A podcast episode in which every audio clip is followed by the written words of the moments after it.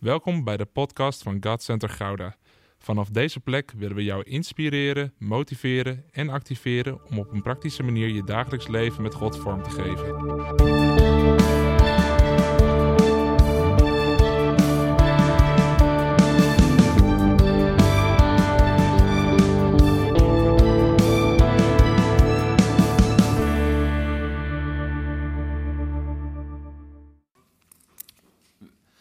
Vandaag is in principe het laatste deel van de serie Gaaf. Daarna duiken we weer terug in church culture. Ik zeg erbij in principe, want ik ben erachter gekomen, je weet het nooit helemaal zeker. Dus in principe is dit de laatste uh, voor deze serie uh, over gaaf. Gaaf leven met God. Dus we kijken nog één keer naar Jozefat. En wie weet volgende week weer, maar in principe dus niet. Um, maar we gaan lezen uit 2 Kronieken 18 en ik wil daar gewoon mee beginnen. Weet je, het is zo krachtig om met het woord van God te beginnen. Het woord van God heeft zoveel in zich. Ik weet niet hoe het met jou is, maar oh, ik heb deze week weer zo genoten van het woord van God. Nieuwe openbaringen, nieuwe dingen, hoe hij spreekt. Hij is zo goed en zo dichtbij door zijn woord. Hij leert ons zoveel door zijn woord. Hij bemoedigt ons zoveel. Hij zet vrij door zijn woord. Er ligt zoveel rijkdom in zijn woord. En vandaag geloof ik dat hij ook iets krachtigs gaat doen door zijn woord. En misschien ook wel een beetje gaat confronteren door zijn woord. Dus bereid je hart erop voor. Maar ik geloof daarin ten diepste dat hij ons daardoor ook weer vrij kan gaan zetten. Dus ik heb er enorm veel zin in. Um, 2 Kronieken 18, vers 1 tot en met 4 gaan we lezen. Jozefat. Jozefat verwierf dus steeds meer rijkdom en roem. En door een huwelijk smeedde hij familiebanden met Agab. Enige jaren later bracht hij Agab in Samaria een bezoek. Agab slachtte voor hem en zijn gevolg een grote hoeveelheid schapen, geiten en runderen. En haalde hem over om op te trekken tegen Ramoth in Gilead. Koning Agab van Israël vroeg koning Jozefat van Juda: Gaat u met me mee naar Ramoth in Gilead? U en ik zijn één, antwoordde Jozefat. Mijn leger is uw leger. Ik trek met u mee ten strijde. En hij voegde eraan toe: Vraag vandaag nog om raad aan de Heer. Zo, je mag gaan zitten. Mag lekker gaan zitten.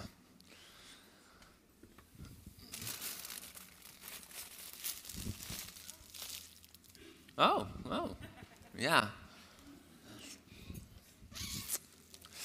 Als iemand uh, opeens naar je toe komt met een bos bloemen, met een groot gebaar. Als iemand opeens naar je toe komt en voor je deur staat misschien, of uh, binnenkomt lopen, en die heeft plotseling een bos bloemen meegenomen. Je bent niet jarig, het is geen feestdag, het is een gewone, gewone dag. Ik heb dat een beetje geanalyseerd, die situatie. Dat kan over het algemeen drie dingen betekenen. De eerste is dat iemand misschien wat goed te maken heeft. Dat iemand mm, een beetje lomp is geweest misschien. Iets doms heeft gedaan. Dat hij denkt, ik heb wat goed te maken. Dit uh, zie je altijd in de films. Dan komen ze opeens met een bosje bloemen of met iets anders om het maar een beetje goed te maken. En we hebben nog steeds de illusie dat bloemen meer helpen dan onze woorden. Deze is voor alle mannen. Um, maar het kan een hulpje zijn. Dus dat, dat is situatie 1. Het tweede wat het kan betekenen is dat je gewoon ontzettend attent bent. Dat je van iemand houdt. Dat je gewoon omdat het kon, gewoon een bosje bloemen voor je vrouw hebt meegenomen. Dat je een vriendin gewoon wilde bemoedigen. Een vriend gewoon wilde bemoedigen. Dat je je ouders misschien gewoon eens wilde bemoedigen. Deze doet het goed, tieners, jeugd. Gewoon omdat je van ze houdt. Geen speciale reden, niks. De derde, en daar gaan we het vandaag over hebben. De derde is dat je misschien wel iets van iemand nodig hebt. En dat je eigenlijk gewoon met een beetje geslijm binnenkomt. Dat je binnenkomt, want je wil wat van de ander. Je wil iets van de ander, dus je denkt, nou, laat ik een goed gebaar maken. En eigenlijk is het van, hé uh, hey, uh, Marjan, Ik, uh, ja, ik reed langs de bloemenwinkel, dus ik dacht, uh, ja, ik neem wat voor je mee. Dus uh, alsjeblieft. Ja, zou je trouwens nog... Um, weg-effect van de bloemen, toch? In je hart. Gelijk zo van, oh, wacht even. Ik reed zomaar langs de bloemenwinkel. Is best wel grappig, want Harro heeft de bloemen gehaald voor dit voorbeeld vanochtend. dus Harro, ik had al lang bedacht, maar jij hebt deze bloemen aan je vrouw gegeven. maar, maar dan is gelijk het effect weg. Gelijk is, ah, wacht even, dus het zit zo en zo. Maar hoe vaak gebeurt het niet dat het wat meer sneaky gaat en dat we het niet doorhebben? Dat we ingepalmd worden en dat we daardoor ergens voor vallen en dat we ergens in meegaan. Dat we niet doorhebben de valse motivatie die erachter zit als we opeens even wat extra krijgen. Of als die collega opeens na zes jaar radiostilte opeens heel vriendelijk naast je gaat zitten met de lunch. En gaat vragen, hoe is het nou eigenlijk met jou? Ja, we hebben elkaar nog nooit gesproken. Nee, ja, je hebt me zes jaar genegeerd. Maar, en, in één keer, en drie weken later, komt de aap uit de mouw. Ja, trouwens, uh, zou je dit en dit voor mij kunnen doen? Zo vaak is het wanneer er iets komt en later iets op volgt, dat we het niet helemaal doorhebben, dat we ingepand worden, zoals Jozefat. Zoals Jozefat. Want we hebben het hier over Jozefat en Agab. En we zijn bezig met het laatste deel van de serie Gaaf. En dit heeft daar alles mee te maken. Ik ga er zo direct meer een fundament voor leggen. Maar als we kijken naar de betekenis van gaaf, dan hebben we natuurlijk ga allemaal aanbiddend in vertrouwen. Dat heeft centraal gestaan. Maar we hebben vooral ook gekeken naar wat dat dan betekent, wat God voor ons doet. Weet je wat, het is niet onze strijd. En wanneer wij aanbidden, gaat Hij voor ons uit. En heel veel was gericht op Hem. Maar vandaag wil ik het niet zozeer hebben over wat Hij voor ons doet, maar wat onze verantwoording is richting Hem. Want dat is ook gaaf leven. Een andere betekenis van gaaf, dat is niet cool of tof of hippere woorden voor dat. Um, maar een andere betekenis van gaaf is ook onbeschadigd, heel, intact, ongeschonden, compleet. En vandaag wil ik het vooral hebben over dat stukje compleet. Dat compleet. Weet je, als iemand een gave huid heeft, dan is het compleet mooi. Als iemand nog een gave auto heeft, heeft hij waarschijnlijk geen kinderen, um, dan, maar dan zit de eerste kras er nog niet op. Ja, dan als je dan naar binnen stapt, dan ruik je nog het nieuwe. Dat, dat is gaaf. Maar dat is altijd wel compleet. Want anders, zodra dat eerste krasje erop komt, dan is het niet meer helemaal gaaf. Want het moet compleet onbeschadigd, intact, ongeschonden zijn. En daar willen we vandaag naar kijken. Want dat betekent dus ook dat woordje compleet. Helemaal. Geen verdeeldheid. En als we gaaf voor en met God willen leven, dan moeten we dus compleet met God willen leven. En niet denken van oké, nou ja, een klein stukje, uh, dat, dat vind ik nog wel lekker. Of ja, ik, ik volg God in, in, in 90% van, van wat hij me zegt, maar ja, dit vind ik nog wel heel erg fijn. Dit, dit, dit is wat ik, wat ik eigenlijk al jaren doe. En om dat nou helemaal los te laten, ja, dat geeft me nog wel plezier vind het zelf zo lekker. Dit is een, uh, alvast een preview op een volgende preek. van de week had ik een gesprek met iemand en toen uh, hadden we het even over de comfortzone. En toen dacht ik in één keer, de comfortzonde. Oh. nieuwe preek, gelijk op mijn bord geschreven. De comfortzonde. Maar dat kan zo vaak kan dat meespelen. En dan nemen we niet helemaal onze uh, verantwoordelijkheid om helemaal gaaf voor God te leven. We hebben het heel veel over gaaf leven gehad. Maar gaaf leven is dus ook compleet voor God leven. En dan moeten we ons wapenen tegen verleidingen. Want verleidingen zijn er altijd op uit om dat gave uit ons leven weg te breken. Zowel in het compleet voor Hem leven, als in het onbeschadigd blijven. als in, in het, dat we nog helemaal ongebroken zijn. Dat we helemaal intact zijn en heel blijven. Dat die verleidingen altijd bezig zijn om dat te breken. Dus aan de ene kant het helemaal voor God gaan en aan de andere kant het stukje in ons, dat het ons kapot wil maken. Ik ga je alvast zeggen, vandaag is misschien best wel even een pittige boodschap. En dan gaat misschien ook best wel even heel erg dichtbij komen. Maar dat is omdat we veel te lief zijn geworden voor de verleidingen. Veel te lief zijn geworden voor de gever van die verleidingen, voor de duivel. Weet je, de duivel haat ons gewoon. Het is tijd om de duivel net zo te haten als dat hij ons haat. Het is tijd om op te staan als volk van God daarin. En Jozefat laat zien in al het goede wat hij doet, dat we aan de Bijbelfiguren altijd zulke mooie voorbeelden hebben. Want zij zijn niet een onbereikbaar, onbereikbaar iets dat geen fouten maakte, maar nee, we leren van de dingen die ze goed doen. We leren van de inspiratie die ze daarin geven, maar we mogen ook leren van hun fouten. En we hoeven niet zelf de fouten te maken om dat te leren. Nee, we mogen van hun fouten leren, zodat wij niet beschadigd raken en het alsnog kunnen leren. Dus laten we dat dan ook vooral doen met elkaar. En Jozefat, die is rijk geworden.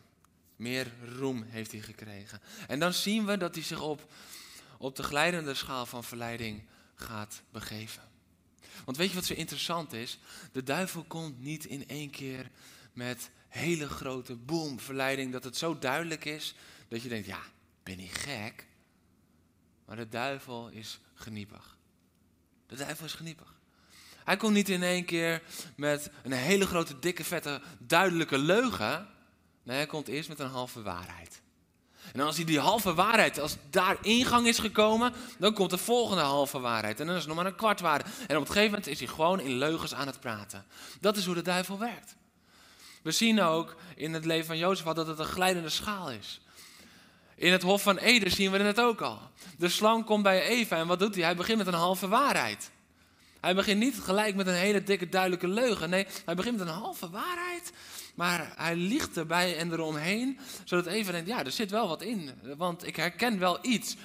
En ze gaat op die glijdende schaal en de verleiding wint het van haar.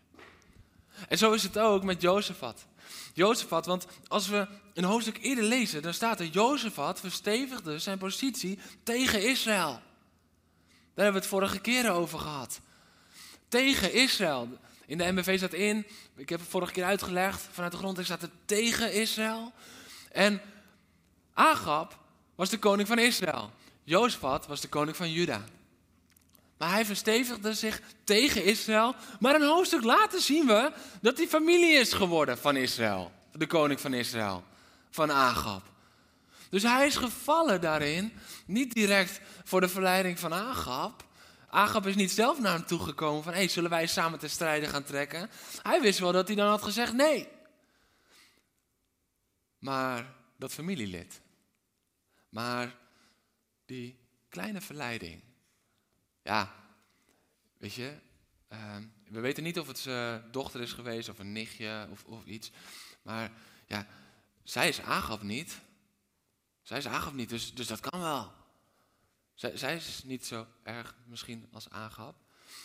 Maar hij sluit niet het verbond met Agab. Maar hij verbindt zich wel aan het huis van Agab. En dat is wat daar gebeurt. Dit is hoe de duivel werkt. Weet je, de verleiding komt altijd in het kleine. En het kleine maakt uiteindelijk het grote kapot. Maar dit is wat we moeten inzien, wat we moeten doorkrijgen om ons te kunnen wapenen tegen de verleidingen. Als we het hebben vandaag over versla die verleiding, dan moeten we wel weten en inzicht krijgen hoe die werkt, want anders kunnen we nooit verslaan. En dat zien we. Het kleine maakt uiteindelijk het grote kapot.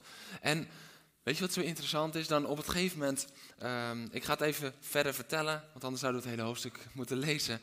Maar Jozef wat zegt nog, van vraag vandaag nog de Heer om raad. Dan Agab, die roept profeten bij elkaar. Hij vraagt 400 profeten. 400. En hij vraagt ze dan, wat moeten we doen? En Jozef zegt dan nog van, is er niet nog een profeet? Ja, Micha. Maar ja, Micha die, die doet altijd onheil. Micha die heeft altijd een moeilijke tekst. Micha spreekt het woord van de Heer. Misschien dat Agap hem daarom niet zo moest. Maar Micha wordt er toch bijgehaald. En de 400 profeten zeggen inderdaad: trek op! Trek op, want de Heer zal de stad in uw macht geven. Trek op, want de Heer. Micha spreekt anders. We gaan het zo direct zien. Micha zegt: Ik zag een kudde, een kudde schapen zonder herder. En ze overwonnen niet, maar ze gingen terug naar huis. Wel in vrede. En Agab zegt dan: Zie je wel? Altijd in Micha. Agab zegt: Zie je wel? Bij hem is er nooit eens overwinning. Hij spreekt niet het woord dat we willen horen eigenlijk. Dus we luisteren niet naar hem. Zie je wel? Dat is wat verleiding doet. Verleiding die. Als de waarheid wordt gesproken, dan komt verleiding in opstand. En wat er dan gebeurt is, vers 18 tot en met 20 van hetzelfde hoofdstuk, hoofdstuk 18 moet je opletten wat er dan gebeurt. Micha zei, luister naar wat de Heer te zeggen heeft. Ik zag de Heer op zijn troon zitten en aan weerszijden van hem stonden de hemelse machten opgesteld. Dus een inblik in hoe dat gaat in de hemel. En de Heer vroeg, wie gaat koning Agab van Israël overhalen om tegen Ramoth in Gilead te strijden, te trekken, zijn ondergang tegemoet?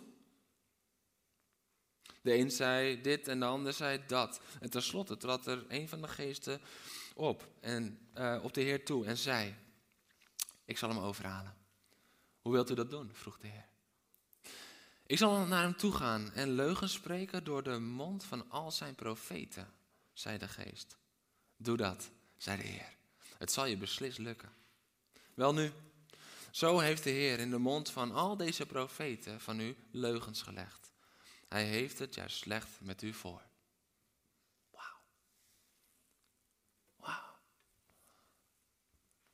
Dit is wat Micha zegt. En wat er dan gebeurt, is dat Agab woedend wordt, um, in de gevangenis laat zetten en alsnog te strijden gaat trekken. Maar weet je wat er is gebeurd met Jozefat?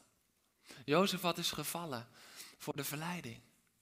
Want het is toch bizar als je het zo even van een afstandje leest, maar tegelijkertijd zo vergelijkend zo vaak met ons leven dat we op een gegeven moment denken, hoe zijn we hier beland? Hoe ben ik hier beland? Maar dat het met die glijdende schaal te maken heeft. Want wat we zien is dus dat eerst waar hij zich afzet tegen de koning van Israël, tegen Agab, dat hij nu een verbond is gaan sluiten met hem. En wanneer Agab dan met bloemetjes komt en daarna heel duidelijk vraagt van hé, maar dit heb ik eigenlijk van je nodig dan ziet hij dat niet meer. Maar dan zegt hij, u en ik zijn één. Mijn leger is uw leger. Man, dit lijkt op de toewijding van Rut aan Naomi. Eh, uw volk is mijn volk, uw God is mijn God. Zo diep gaat dit. Dus waar het is begonnen met dat hij geen verbond had met Agab, maar alleen verbonden was door familie met Agab, gaat hij nu gewoon een verbond aan met Agab. Mag ik je even meenemen in wie Agab is? Agab was een van de grootste afgodendienaren. Hij, hij, hij was getrouwd met Izebel. Zij brachten alle profeten van de Heer om. Later hebben ze blijkbaar weer een paar toegelaten om naar hun mond te spreken. Maar zij creëerden overal offerplaatsen. Dus waar uh, Jozefat de Asherah-palen neerhaalde en de offerplaatsen neerhaalde, was hij ze voor het hele volk aan het opbouwen in Israël. Dit is Agab. Agab was onbetrouwbaar. Hij was in die zin een moordenaar. Agab die, die was, staat eigenlijk voor zoveel wat helemaal door en door slecht is. En eerst gaat hij de verbinding aan met Agab en nu gaat hij zelfs een verbond aan met Agab. U en ik zijn Maar het begon daar niet. En heel vaak denken we, oké okay, Jozef, hoe kon je nou nog meegaan in de strijd? Hoe kon je... Uiteindelijk, Micha zegt het nog zo duidelijk. Deze strijd is er voor de ondergang. om Agab neer te halen. Deze strijd is er om te verliezen. De, de profeet van de Heer heeft dat gezegd, heeft gesproken. Hoe kan je dan nog met hem meegaan? En dat is vaak het punt dat wij ons gaan afvragen bij vrienden, bij familie, misschien wel bij onszelf. Hoe kan je dat nou doen? Hoe kan je die keuze nou maken? Hoe kan je dat nou hebben gezegd? Hoe kan je dat nou hebben gedaan? Hoe kan je dat nou hebben gekeken?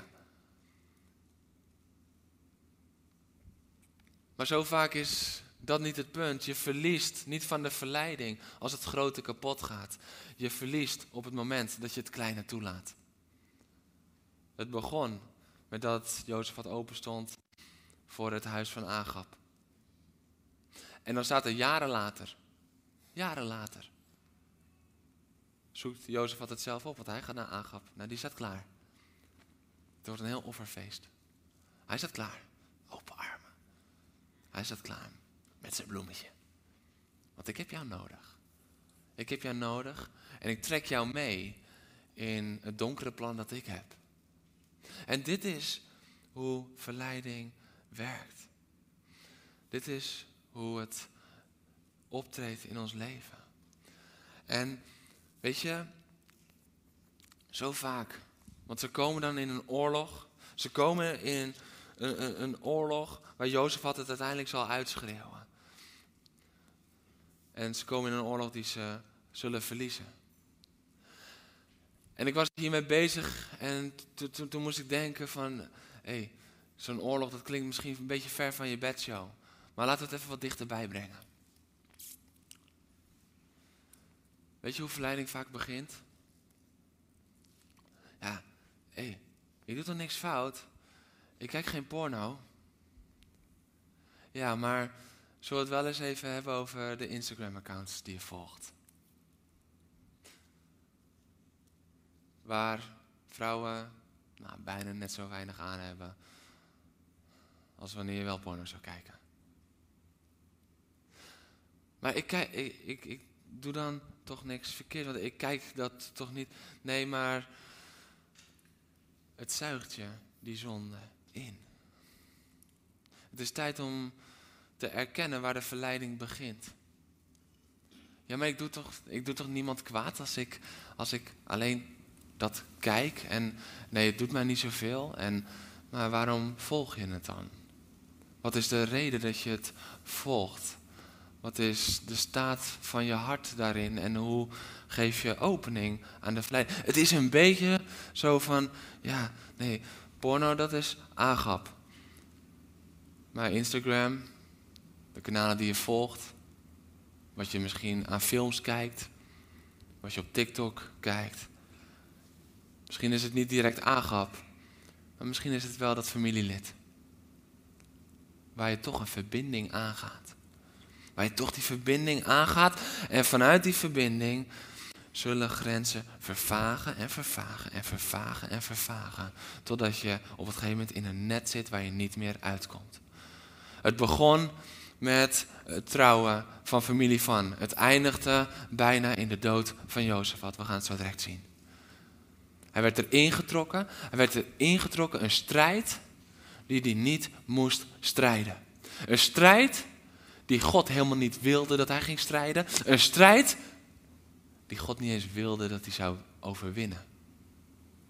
Huh? Deze openbaring kreeg ik tijdens de eerste dienst, tijdens het prediken.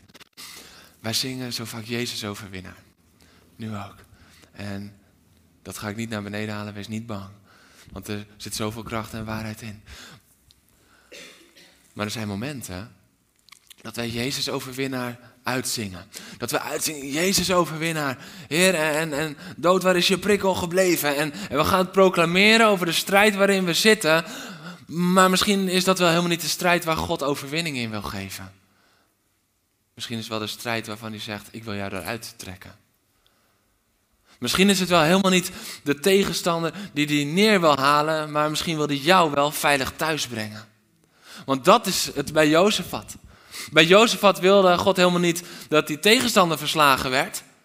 Hij wilde dat Agep ten onder ging en dat Jozefat veilig thuis kwam. En wij blijven maar bidden. Jezus overwinnaar, Jezus overwinnaar. Ik zie het nu nog niet, maar Jezus over. En we blijven ons maar richten omdat die tegenstander neergaat. Maar zelfs, we gaan het zo zien, als Jozef het uitroept naar God, dan blijft die tegenstander in leven.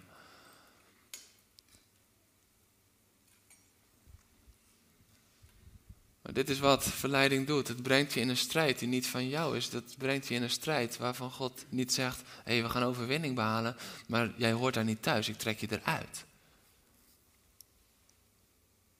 Want die strijd is niet jouw strijd.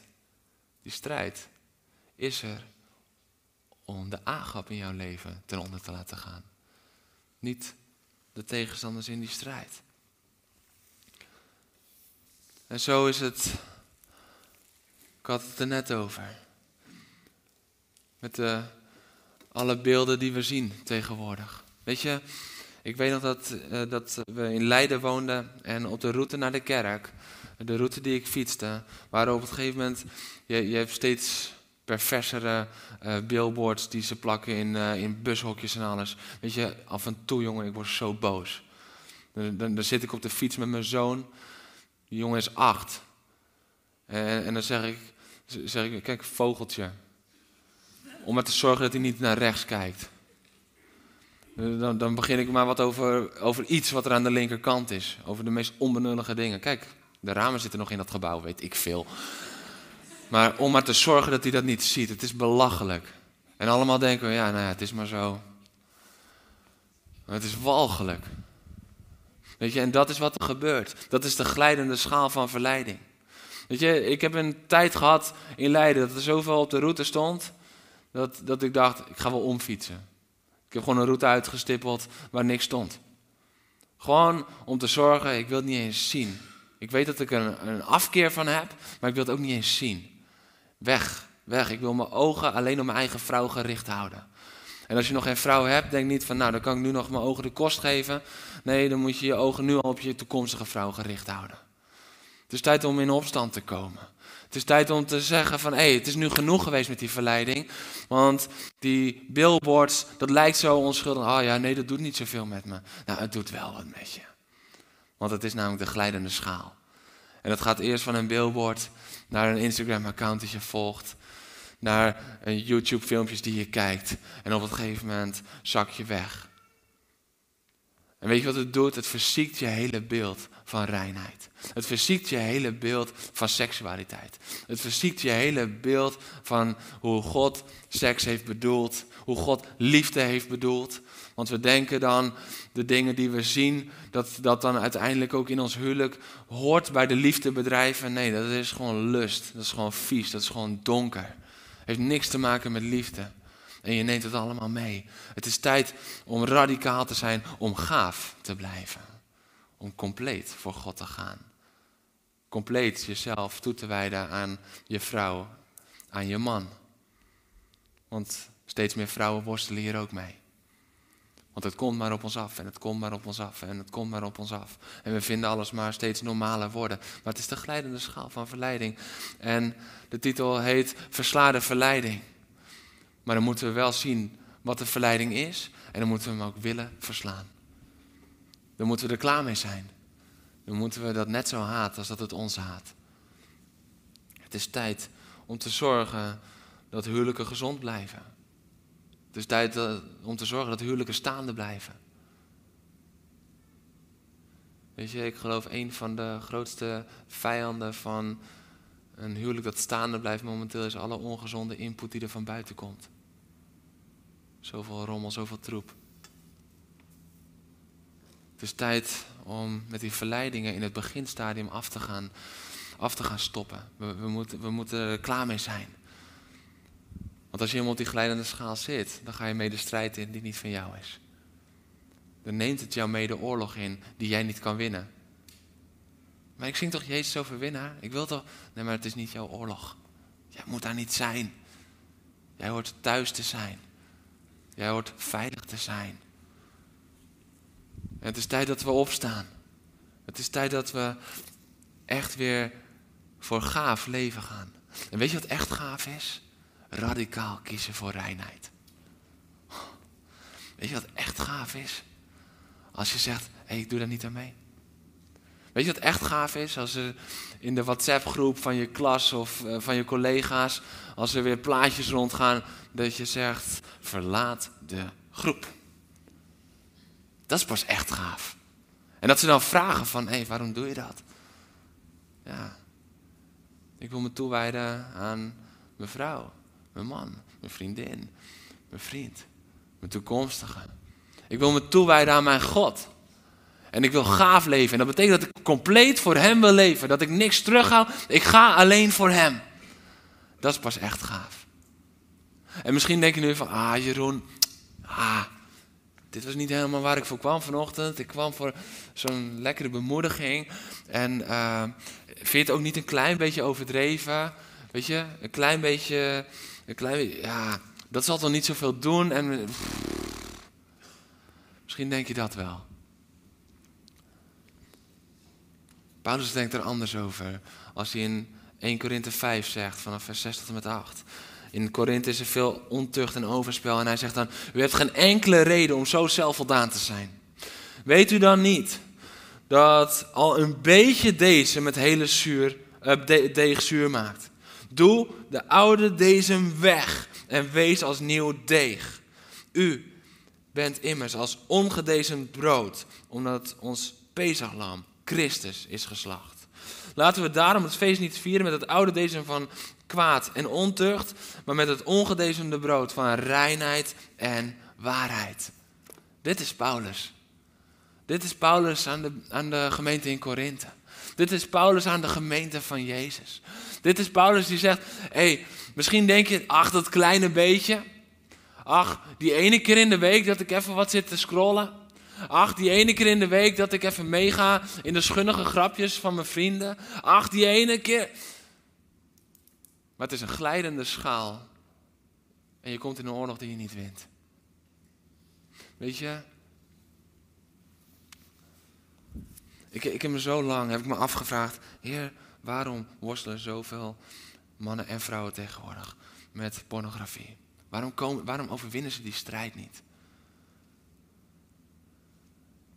En ik heb ook dat God zegt. Maar ze proberen iets te verslaan Terwijl God zegt, ik wil je eruit trekken. Ik wil je bevrijden eruit. En ze proberen maar iets te verslaan, maar ik wil je eruit trekken. Het is tijd om je eruit te trekken. En als dat voor jou betekent dat je alle schermen om je heen voorlopig weg moet doen, gooi die tv het raam uit. Ook als je achterhoog woont. Kijk wel even naar beneden. Raadstip. Gooi die computer het raam uit. Zet er een code op. Koop een Nokia 3310 kun je Snake spelen in plaats van Instagram.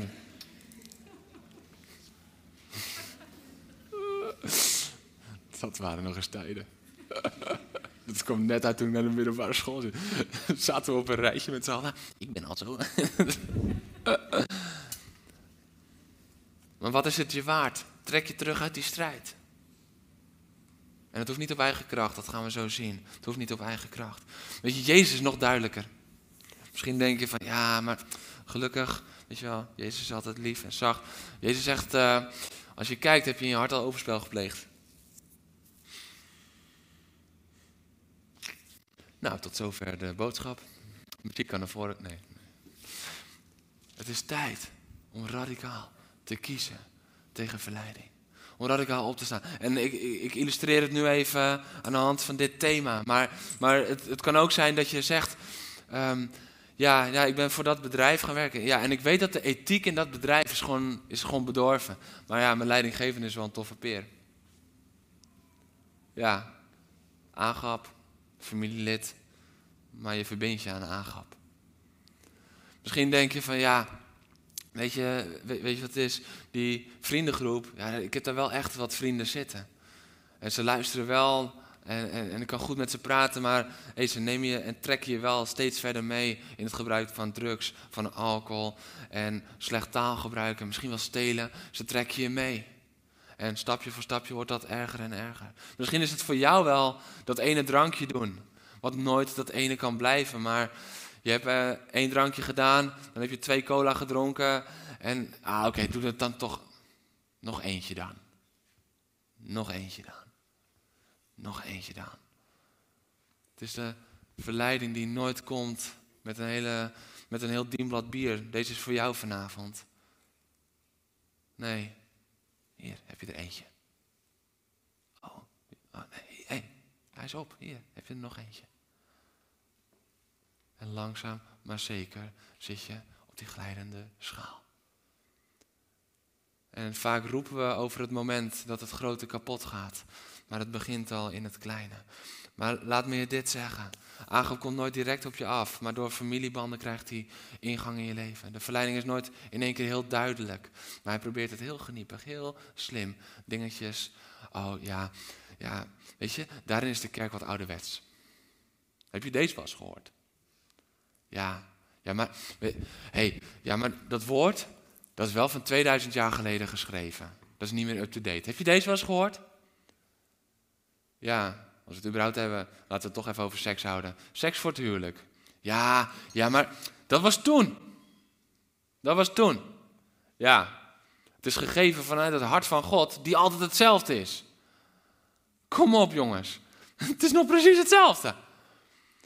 Ja, maar toen waren ze jonger toen ze trouwden. Ja, maar Gods hart, achter zijn principe. Dat jouw veiligheid, genegenheid en, en eh, het is nog precies hetzelfde. Gods hart is niet veranderd en zijn principes zijn niet veranderd. Waarom? Ze zijn niet van toen, ze zijn van alle tijden. Weet je wat zo mooi is? We zingen altijd heel graag over de God die was, die is en altijd zal zijn. We zingen altijd zo graag over de God die nooit verandert. Maar voor ons eigen comfort zouden we het af en toe lekker vinden als zijn principes waren veranderd.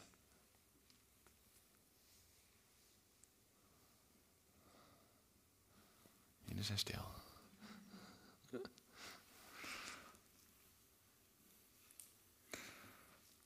Elke verleiding wil jou kapot maken. Ook als het komt met een bosje bloemen. Ook als het komt met een bosje bloemen. Een verleiding wil jou kapot maken. En moet je opletten wat hier gebeurt in het verhaal. We hebben net gelezen over hoe geprofiteerd wordt, wat er zal gebeuren met Agap. Ze gaan zijn ondergang tegemoet. Dat hebben we net gelezen, hè? Hebben we nog scherp? Yes. Ja, goed. Hebben we nog scherp? Yes. Halleluja.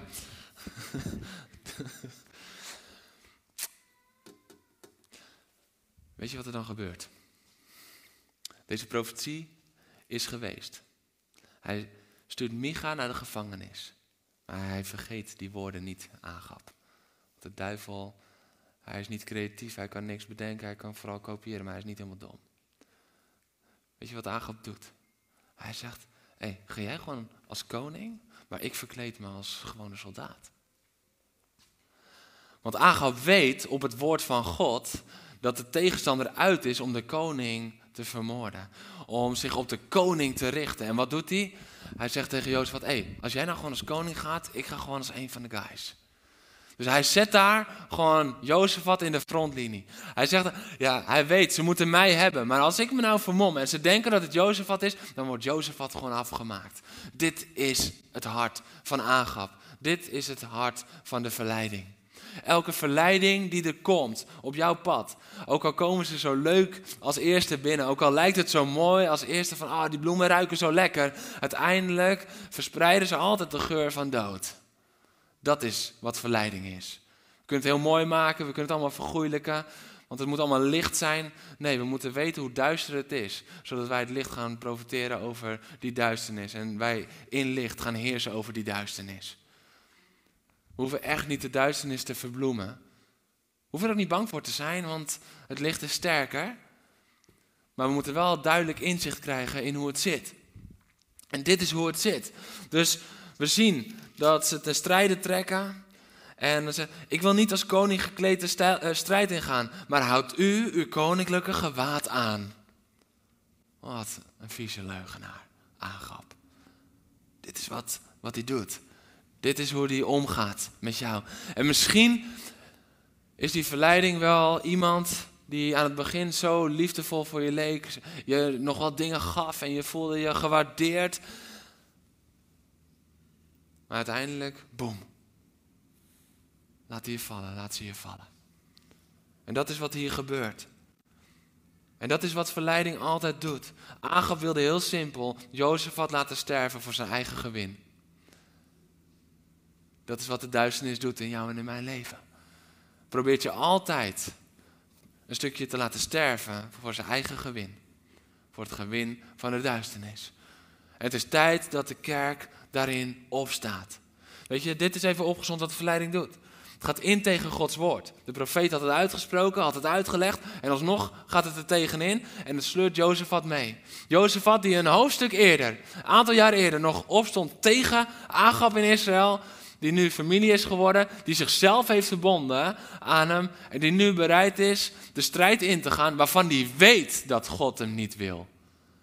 Want dit is het punt waar Jozefat zich nu op begeeft. En hoe herkenbaar is dat in ons leven? Het begon met wat onschuldigs. Toen dachten we van, hmm. Toen dachten we al van, hoe? En toen dachten we van, ja, ik weet het. Ik weet dat het niet goed is. Maar ja, de glijdende schaal.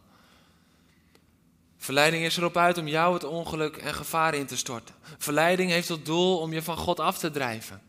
Altijd. Om je verder bij hem weg te drijven. Verleiding wil Gods plan op je leven breken. Want Jozef had, zijn einde was er nog niet.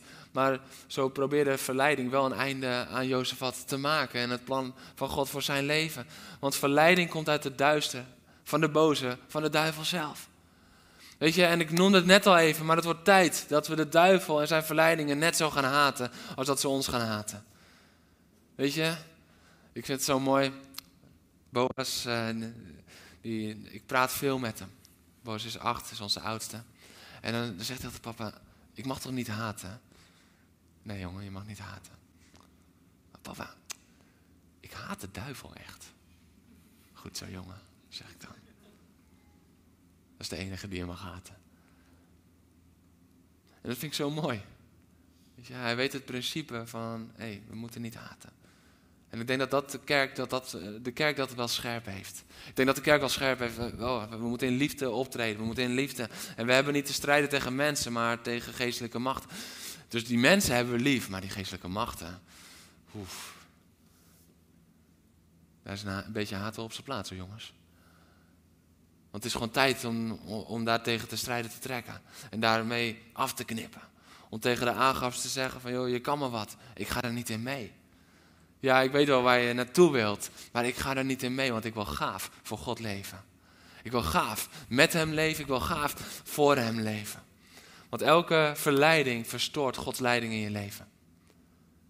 Dat is ook wat er hier is. Weet je, als je kijkt eerder in hoofdstuk 18, dan zegt Jozef nog van ja, maar vraag nu wel de Heer om raad. Dus hij is daar nog op het punt van, hey, vraag de Heer om raad, vers 4. Vraag de Heer om raad, want dat is belangrijk. En dan wordt de Heer om raad gevraagd, maar de verleiding is inmiddels zo groot dat het, wat God zegt zo in de wind wordt geslagen. De verleiding is op dat moment al zo groot geworden dat Jozef niet meer staande kan blijven, maar dat hij meegaat in de duisternis. Dat is de realiteit van wat er dan gebeurt. Weet je, toegeven aan verleiding breekt jouw toewijding. Toegeven aan verleiding breekt jouw toewijding, waardoor je niet meer luistert naar Gods leiding. Dat is wat het doet. En het trekt je weg van Gods plan voor jouw leven. En het is tijd om daar tegenop te staan met elkaar. God sprak. God gooide het open. De profeet sprak. En toch trok Jozef wat mee. Toch koos hij om aangap te volgen. Toch ging hij voor de eer en voor de overwinning. En de man die de Asherah-palen en de offerplaatsen liet verwijderen, trekt nu op met de man die afgoderij een nieuwe dimensie heeft gegeven. En dan komt het punt. Dan komt het punt dat hij omsingeld is. Toen de bevelhebbers van de strijdwagens Jozef had zagen, riepen ze: Dat is de koning van Israël! Zie je, aangafsplannetje werkt. Ja, er is één koning toonbaar. Dat zal de koning van Israël moeten zijn. Ze omsingelden hem en vielen hem aan. Dit is wat er gebeurt. Dit is wat hij, wat, wat, wat probeert. En dit is het punt dat we vaak uitroepen: Heer, waarom? Heer, waarom ben ik hier? Heer, waarom ben ik omsingeld? Dit is het punt dat we vaak uitroepen. Heer, waarom gebeurt mij dit? Waarom? Ik heb u nodig. Ik kan dit niet alleen. En menselijk gezien zouden we dan zeggen van, ja, nou ja, na de uitleg van vanochtend ehm, moeten we dan toch maar even over hebben. Het ging natuurlijk niet hier pas fout. Uh, we hebben net geleerd, het ging daar al fout. En als je daar nou anders had gekozen, dan... Maar God is niet zo. God zegt, ik ga je eerst redden. Ik zet je eerst vrij. Ik breng je eerst in veiligheid. Want dit is wat God doet. We lezen dan dat Jozefat schreeuwde het uit. En de Heer. Zo, ik schreeuwde iets te hard, sorry. Uh, Jozefat schreeuwde het uit. En de Heer kwam hem te hulp door hen van hem weg te lokken. Door hen van hem weg te lokken. En dit, dit, dit laat weer wat zien, hè?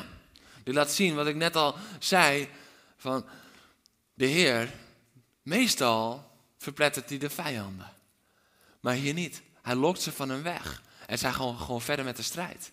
God wilde niet de overwinning die wij verwachten geven, maar hij wilde wel de bevrijding geven die Jozef niet meer had verwacht. Dit is wat God doet. Maar Jozef schreeuwt het uit. En weet je wat dan zo mooi is? Dat val jij voor de verleiding, dan staat God klaar met zijn vergeving. Dat is wat we hier zien. Jozefat is keihard gevallen voor de verleidingen. En hij bevindt zich dan op het gegeven moment op, in een diepe put waar hij zelf niet meer uit kan klimmen. Hij is omsingeld, hij is kansloos. En hij is eigenlijk ten dode opgeschreven. En dan zegt God, maar ik kom met mijn vergeving. En dan gaan we niet eerst eens even bespreken hoe en wat. Nee, ik trek je er eerst uit. En daarna zal ik je helpen dat je hier niet meer in valt. Maar Gods hand en Gods arm zijn nooit te kort. Hoe diep jij ook bent gegleden op het afglijdende van verleiding. Misschien voel je mega ver van God. Misschien denk je, ja, maar Jeroen, ik heb inmiddels zoveel troep toegelaten in mijn leven. Ik heb inmiddels zoveel lelijke praten toegelaten in mijn leven. Ik heb zoveel corruptie toegelaten in mijn leven. Ik heb zoveel slechte keuzes gemaakt in mijn leven. Ik weet het niet meer. Jozef had leert ons één ding. Schreeuw het uit. Schreeuw het uit. Eén schreeuw. En Gods arm was daar. Eén schreeuw. En God trok hem eruit. Niet door alsnog die strijd, die, die niet zijn strijd was en die niet voor zijn overwinning bedoeld was, alsnog te laten overwinnen. Nee, maar om ze af te leiden, zodat ze hem met rust lieten en hij veilig thuis kon komen. En uiteindelijk zal het woord van God altijd waar worden. Dus Agab wordt in deze strijd uh, wordt hij vermoord. En uiteindelijk Jozefat keerde behouden terug naar Jeruzalem. Hoofdstuk 19, vers 1. Dit is wat de genade van God doet. Dit is wat het betekent dat als wij vallen voor verleiding, dat God klaarstaat met vergeving. Gods grote genade en redding. Maar dan moeten we het wel uitschreeuwen naar God. Dan moeten we wel erkennen, Heer, ik heb u nu nodig. Ik heb u nu nodig en, en dit, dit nooit meer. Heer, ik heb u nodig. Ik noemde aan het begin, gaaf betekent onbeschadigd, heel intact, ongeschonden en compleet. We hebben gefocust op het compleet leven met Hem, het compleet leven voor Hem. Waarom? Dat is ons gedeelte. Dat is ons gedeelte en ik geloof dat God daar vandaag echt zijn agenda op had, op heeft. Het is tijd om compleet voor Hem te gaan leven. Het is zo tof om gaaf, want Hij strijdt onze strijd. En, en er is niets wat onze God niet kan doen. Maar is het ook nog gaaf? Is dit ook nog steeds een gave serie? Zijn we nog net zo enthousiast als de afgelopen weken? Als het erom gaat dat wat gaaf is, misschien ingaat tegen wat we nu doen. Dat we moeten breken met bepaalde zaken in ons leven. Dat we misschien wat Instagram-accounts moeten ontvolgen. Dat we misschien eens moeten gaan nadenken van wil ik wel bij dit bedrijf blijven werken? Want hey, ja, de beloning is wel goed, maar de corruptie is zo hoog. Of de ethiek is zo laag. Zijn we dan nog net zo enthousiast? Het spat van jullie af momenteel. En dit is Gods woord. En ja, ook, ook hierin klinkt weer door de grootheid van zijn genade. Ja, hij zegt niet tegen Jozef, nou ja jongen, je hebt uh, zelf inbegeven, red je er maar uit. En als je dat goed doet, dan zal ik je weer met open armen ontvangen. Dat is niet God. Hij blijft niet zo staan. Maar God doet poef, zodat Jozefat weer vrij is. Hij redt Jozefat. En ja, dan corrigeert hij hem. En ja, dan komt Jehu om hem even goed de waarheid te vertellen. En we zien dat Jozef er naar luistert, want er staat er... En vervolgens bleef hij in Jeruzalem. Hij ging niet met de strijden trekken. Hij had zijn les geleerd. Dus dat is, dat is zo goed om te beseffen dat, we, dat we zien dat Jozef zijn les heeft geleerd. Maar we hebben nu gericht op dat compleet voor hem leven. Weet je waarom ook? Dat onbeschadigde, dat heel, dat intact, dat ongeschonden. Dat is namelijk het enige wat wij niet kunnen doen. Dat, dat, dat, de enige die dat kan doen is God. Wij lopen krassen op in ons leven, maar Hij kan ons weer heel maken. Wij beschadigen in ons leven, misschien door onze eigen keuzes, misschien door de keuzes van anderen. Want misschien denk je van ja, het is super mooi dat je het daarover hebt, maar, maar denk je ook aan wat mij is aangedaan, waardoor ik beschadigd ben. Omdat, ben. omdat anderen kozen om niet gaaf te leven, ben ik ook niet meer gaaf. Want dat is ook de realiteit van deze wereld. En ik denk dat we de afgelopen twee weken meer dan ooit daarvan bewust zijn hoe realiteit het is in deze wereld. Hoeveel mensen er compleet gepijnigd zijn. En hoeveel mensen er beschadigd zijn en niet meer gaaf waren. Niet omdat ze zelf stomme keuzes maakten, maar omdat anderen kozen om niet gaaf te leven. Het is tijd dat de kerk van Jezus opstaat daarin. En een nieuwe, nieuwe gaafheid neerzet. Het is tijd dat we daarin gaan uitblinken. Het is tijd dat de huwelijken in de kerk het voorbeeld worden voor de huwelijken in de, in de, in de wereld. Dat, dat ze weer gaan denken van, ja, ik, ik, snap er niks van. Maar daar blijft iedereen bij elkaar en daar houden ze echt van elkaar. En, en hier klapt het bij het minste of geringste. Het is tijd dat jongeren, als ik me even tot de jongeren mag richten. De meeste jongeren zitten altijd in de tweede dienst. Omdat ze heel graag om negen uur, maar ja, die zat vol. Nee. maar het is tijd dat de jongeren weer gewoon compleet anders zijn. Het is tijd dat de jongeren gewoon weer een statement maken. Weet je, en jij bent bang voor de reactie, maar zij worden geïnspireerd door jouw reactie. Of ze het nou zeggen of niet. Ze worden door geïnspireerd. Vroeg of laat. Vroeg of laat. Ik heb wel eens reacties gehad dat ze zeiden van, joh Jeroen, stel je niet zo aan. En dat ze later terugkwamen. Nou, je had het toch wel mooi gezien eigenlijk. Tof dat je dat durft. Het is tijd om op te staan. Het is tijd om voor gaaf te gaan. Compleet. Weet je, en, en daarin zetten we God ook vrij om, om te doen wat Hij alleen kan doen. Want als we compleet voor Hem leven en met Hem leven, dan geven we Hem ook complete ruimte in ons leven. En dan gaan we dus niet zelf proberen te herstellen wat er misschien een keertje ergens gebroken is, maar dan laten we Hem daarbij compleet, omdat Hij dat alleen kan. Want wat je ook hebt meegemaakt, zijn genezende hand is sterker dan jouw wond. Hoe moeilijk dat op dit moment misschien ook te geloven is. Zijn genezende hand is sterker dan jouw wond. Niets is onmogelijk voor hem. Maar durven we ons compleet te geven. Want ook in die overgave, overgaaf. Oh, die hebben ze de eerste dienst gemist. Overgave is compleet. Overgave kan alleen als je helemaal geeft. Want dat is een van de specifieke dingen van gaaf. En als we hem daarbij laten, als we overgave hebben naar hem, dan kan hij ons genezen, dan kan hij ons helpen. Weet je, hij wil dat je weer gaaf wordt. Ik wil vragen of de versie vast naar voren komt. Hij wil dat je weer gaaf wordt. En tegelijkertijd wilde je ook handvaten geven om die verleidingen eerder te zien, eerder te ontdekken, zodat je er niet weer intrapt. Hij wil niet dat jij jaarlijks voor een APK'tje komt met een grote beurt, zodat je weer opgeknapt bent en er weer even tegenaan gaat. Maar een jaar later heb je weer allemaal krassen. Nee, dat, dat verlangt hij niet. Hij verlangt ernaar om jou gaaf te maken en dat wij gaaf voor hem leven. Waarom? Omdat we dan niet opnieuw en opnieuw en opnieuw en opnieuw komen. Hij heeft jou niet bedoeld om iedere keer een opknapbeurt te krijgen, maar hij heeft jou bestemd om de verleiding de baas te zijn.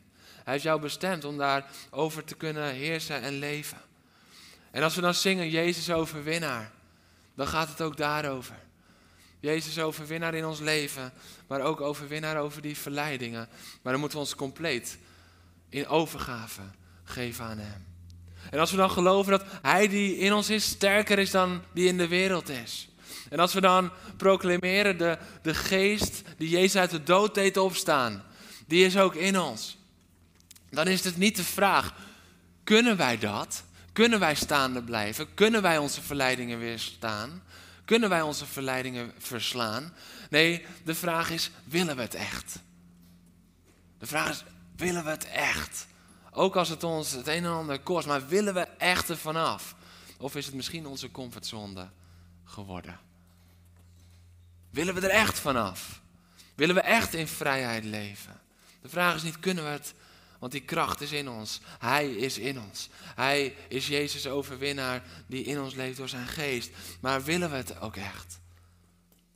Want elke compromis die je sluit, zorgt dat je de volheid mist. Een compromis is een overeenkomst waarbij beide of alle partijen iets toegeven.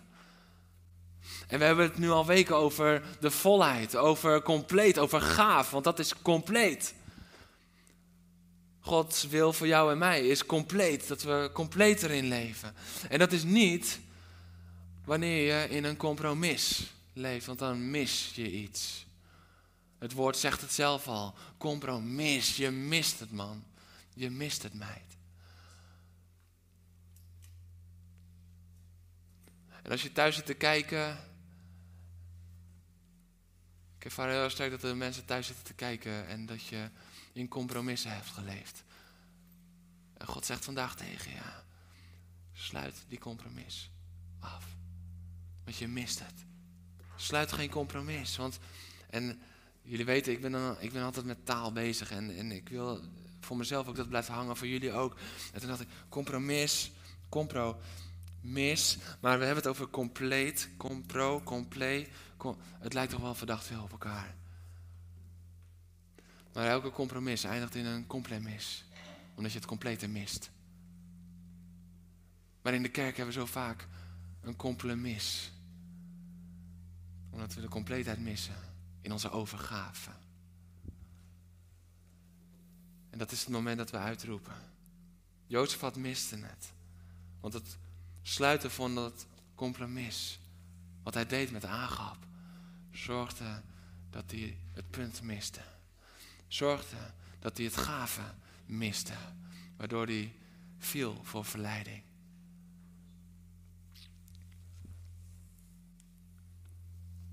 Onthoud. Voor elke compromis die er is geweest in jouw leven, is er vergiffenis. Misschien denk je, oh Jeroen, ik ben zo hard onderuit gegaan en die glijdende schaal, dat is een soort glijbaan geworden zonder einde voor mij. Maar er is vergiffenis. Er is genade, er is vergeving. En ik wil vandaag met elkaar daad bij woord voegen. Ik wil vandaag met elkaar daad bij woord voegen. En dat betekent dat we je niet gaan helpen opklauteren uit de situatie. Maar dat we het woord met elkaar in praktijk gaan brengen. Het woord waar dan staat, Jozefat schreeuwde het uit. En de Heer kwam hem te hulp. Jozefat schreeuwde het uit. En de Heer kwam hem te hulp.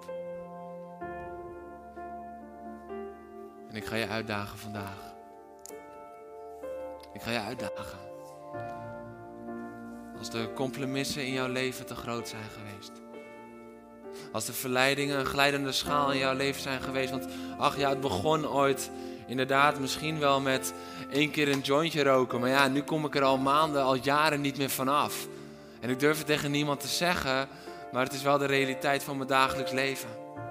Ja, het begon ooit met dat ene biertje. Maar ja, nu, als ik op een feestje ben, dan, ja, dan drink ik me altijd maar een ladder zat. Want ja, ik heb zo weinig zelfvertrouwen. Ik drink het maar gewoon weg. Ja, het begon ooit met dat ene Instagram-account. Ja, want zij was zo mooi. Ja, ik dacht, ja, dat kan toch geen kwaad. Maar ik zit nu elke avond achter mijn computer in mijn eentje porno te kijken en ik kom er maar niet uit. Misschien begon het van ja, maar ik begon bij dat bedrijf en ja, ik wist wel, die ethiek is niet helemaal oké, maar hé, hey, ik ben oké. Maar inmiddels heb je zoveel dingen voor je baas moeten doen waarvan je weet, ze zijn gewoon niet oké. Ze gaan niet goed met mensen om. Dat je er in een net gevangen zit en je komt er maar niet uit. Schreeuw het uit. God vraagt niet om terug te rennen. God vraagt niet om te vechten. God vraagt je om te schreeuwen vandaag. Schreeuw het uit naar Hem. En Jezus overwinnaar komt. En weet je wat het mooie is? Dan verstaat hij niet die vijand, maar hij brengt je veilig thuis. Veilig in veiligheid. Veilig in geborgenheid. Dat is de God die wij dienen. En ik wil vragen of we met elkaar opstaan. Want we willen dit ook doen in de veiligheid van familie zijn met elkaar. En ik ga je even schreeuwcursus geven. Want ik weet dat we dat vaak nodig hebben.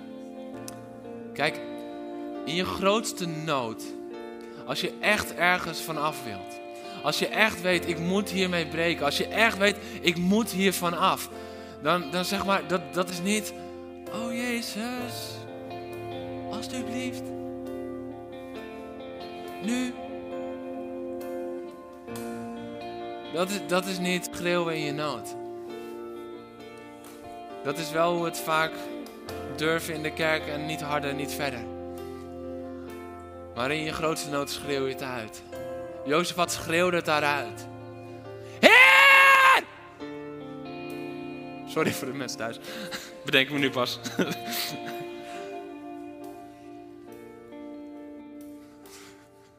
Zitten achter het geluid mensen met een koptelefoon of niet?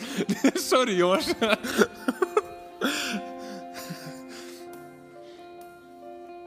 Maar dat is als je echt in nood bent. Ben je er echt klaar mee? Wil je er echt vanaf? Wil je echt breken ermee?